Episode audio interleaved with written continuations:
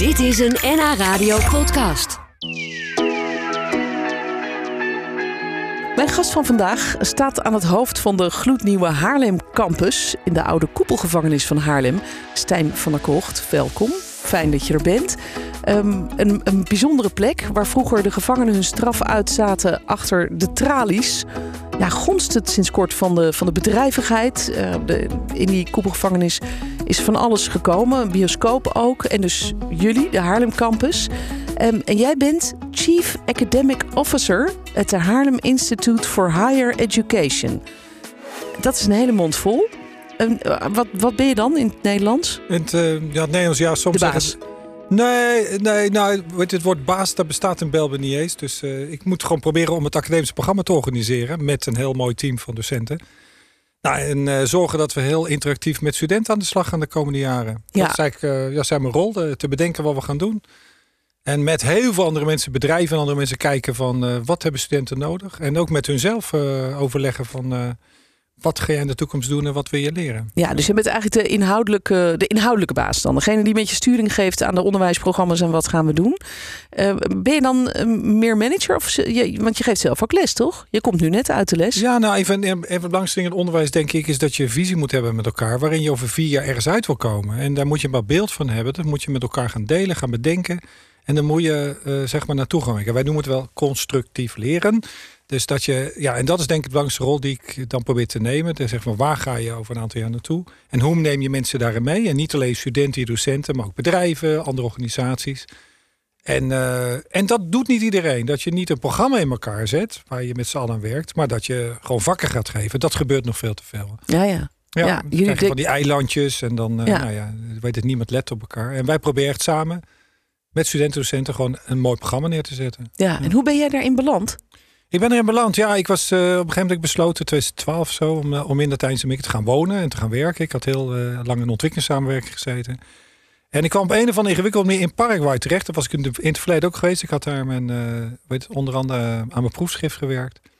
En toen werd ik gevraagd op een conferentie van... hey, we zijn een nieuwe universiteit gestart, wil je daar dien zijn? Nou, ik zeg, dat vind ik wel leuk. Het was een business, Mm. een businessopleiding... met toevallig een Duitse vice-rector. En toen bleek dat die universiteit door een Duitse groep van universiteiten, SRH, was opgericht. Nou, toen zei ik van, nou wil ik dat wel? Toen zei ik, ja, Ja. dat wil ik wel. Dus Een ineens, ja, zei je, hè? Ja, ja, eh, dienen moest ik zo'n dat eh, faculteit leiden, Ja, een business faculty. Nou, ik, ik had er wel oren naar, want ik wilde heel lang iets in het onderwijs doen. En ik dacht van, nou, ga het gewoon doen. En toen in drie jaar hebben we iets van, we zijn gegroeid naar 350 studenten. We zijn best wel een goede universiteit geworden in Paraguay in die context. En het leuke was dat dat was opgericht ook door de werkgeversvereniging. Dus ik zat aan tafel met alle ondernemers. En Ja, we ja. hadden heel toegang tot mensen die ons vertelden, wat hebben wij nodig? Nou, dat zijn we gaan doen. En Maar in het Spaans allemaal, ja, denk al ik. met Spaans natuurlijk. Ja, ja heerlijk. Ja, ja. Nou, weet je, het is stekend. We, eh, eh, mijn familie komt uit eh, Ecuador. En eh, dus, dus nou, ja, Spaans is gewoon eh, eigenlijk... Nou, soms nog wel beter dan Nederlands. Qua schrijven in ieder geval beter. Eh, oké. dat Dus is niet dat zo ging. moeilijk. Ja, Ja. dat ging. Nou, dat was natuurlijk feest. Toen kon ik dat een aantal jaren opzetten. En daar begonnen we al om anders eh, zeg maar, onderwijs te geven. En dat kan als je iets nieuws doet. Ja, als je op nul begint. Ja. Ja, Ja. heerlijk lijkt me. En dat, dat ben je dus hier in Haarlem ook eigenlijk aan het doen. Jullie zijn ook net begonnen eh, op een bijzondere locatie, namelijk de Oude Koepelgevangenis in Haarlem. Ik kan me herinneren dat als wij vroeger bij mijn opa en oma waren geweest, die in Haarlem woonden, reden we terug. En dan reden we langs die koepelgevangenis en dan dachten wij als kindjes altijd... Oh, daar zitten allemaal mensen in de gevangenis, achter de tralies. We horen ze zuchten, bij wijze van spreken. Heb jij dat gevoel ook nu nog een beetje als je daar binnenkomt? Of, of van de buitenkant als je het ziet? Nou ja, dus kijk, we hebben natuurlijk de hele wereld omgedraaid. Dat een koepel kan natuurlijk iets zijn wat je controleert. Hè? Dat is natuurlijk in de gevangenis. En wij hebben dat omgedraaid. Je kan natuurlijk overal een draaier geven. Dat dit juist transparantie geeft. Dat je een rond iets hebt waar geen hoeken in zitten. Ik weet nog wel, ik, ik zei vorige week, we staan op de Routestraat. Daar hadden we gewoon geen ramen in de, in de klaslokalen. Ik weet niet of je dat nog weet, in Ja. Amsterdam. eh, eh, bij de economische faculteit. Dus die, die gaat om openheid, eh, transparantie. En wat het allerleukste is, we zijn geen universiteit, we zijn een centrum met allerlei partners, allerlei bedrijven, gemeenten. Iedereen zit daar. En s'morgens kom je binnen, ga je eens een bakje doen, dan zie je iedereen. En daarna sta je in je lokaal en er staan ook al die mensen die staan daar weer daarboven. En dus je zwaait even, hallo, goeiedag.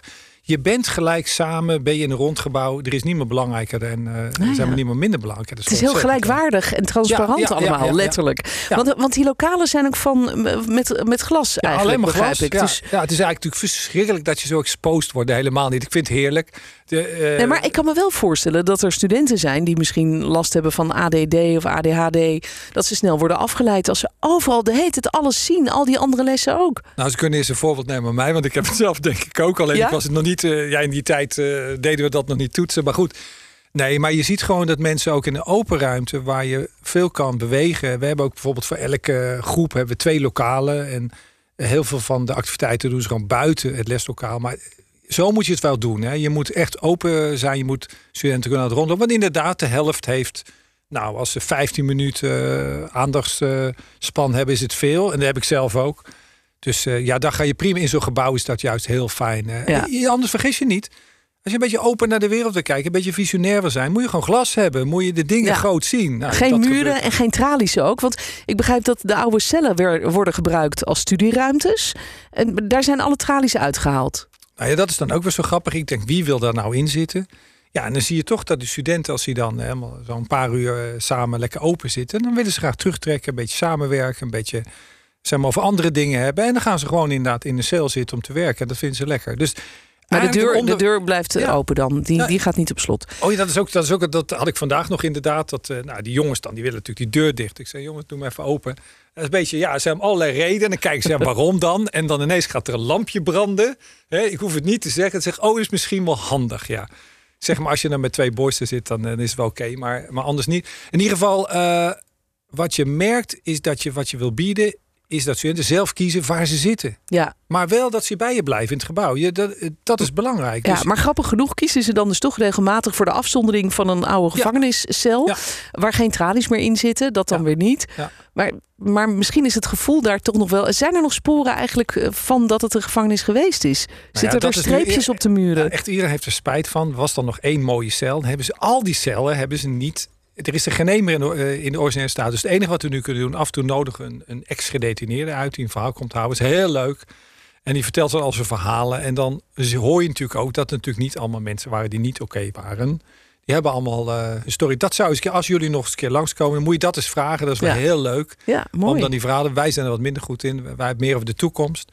Maar ja, nee, de- ja, dat heeft wel natuurlijk een historie en dat, ja, dat geeft meerwaarde. Maar die combi van nieuw en oud is natuurlijk in Nederland altijd heel mooi geworden. Ja. Ja. Ja. zeker. Een bijzondere locatie voor een bijzondere school, denk ik ook. Eh, daar zullen we zo eh, meer over horen. Over wat jullie nou eigenlijk precies aanbieden voor, voor een programma, voor lessen en wat studenten daar leren.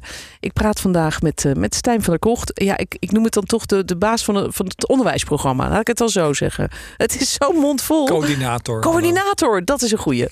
Die houden we erin. Maar ooit is de bedoeling dat de studenten daar ook kunnen gaan wonen. Hè, vandaar die naam campus, toch? Waar komen ze dan te zitten eigenlijk? Niet in, in zo'n oude cel, toch? Nee, maar nou eigenlijk wel. Ze komen in de, in de nieuwe cellen. In, eh er staat een gebouw daarnaast, was het oude vrouw, vrouw, eh. Er komen de eerste 88, die zijn in januari hopelijk klaar. En dan gaan ze daarin wonen. En dan hebben ze wel twee celletjes aan elkaar geplakt. En eh, nou, dat, eh, dat worden dus eh, studentenwoningen, lekker op de campus. En over een paar jaar, als het hele verhaal met de parkeergarage, weet ik allemaal, eh, opgelost wordt, dan gaan we tot 250 studentenwoningen. Oké. En, en ook 250 studenten dus op de campus? Of, of kunnen nee, er wel het wordt meer? er meer. Het moeten er ongeveer 600 worden in Zo. de komende vier, vijf jaar. Nou, dat is En, eh, ambitieus. Hoeveel ja. hebben jullie er nu? We zitten nu met bijna 100. Oh ja. De eerste 50 zijn er ook echt. Dat duurt nog wel even. Dat gaat met, met, met visa gedoe. Maar dat, eh, nou, we zijn nu ieder geval met de eerste 50. En ook komende weken komen we tot waarschijnlijk 80, 90 studenten. Dus dat is een eh, prima aantal. Ja, en zijn jullie nou eigenlijk een universiteit of een hogeschool? Of hoe moet ik dat zien? Want eh, we hebben natuurlijk de bekende onderwijsinstellingen hier in de regio. We hebben ROC's, HBO's, universiteiten en nu de Haarlem Campus. Waar, waar zitten jullie ergens in dat spectrum? Ja, we zijn een hogeschool. De University of Applied Science noemen we het dan. Die natuurlijk dezelfde bachelors eh, gaat creëren of eh, zeg maar masters. We noemen ons, proberen te zeggen HBO+. We zoeken echt wel een mooie balans tussen theorie aan de ene kant. Dus wel goed, eh, ja, veel kennis. eh, maar dat combineren eigenlijk elke les, elke dag met praktijk, met case studies, live case studies, heel veel met de, de bedrijven in de koepel. Wat is een live case ja, live- study? nou, dan ga je naar een bedrijf en die hebben een probleem. Eh, we gaan ons eerst richten op MKB in, eh, in, in de provincie.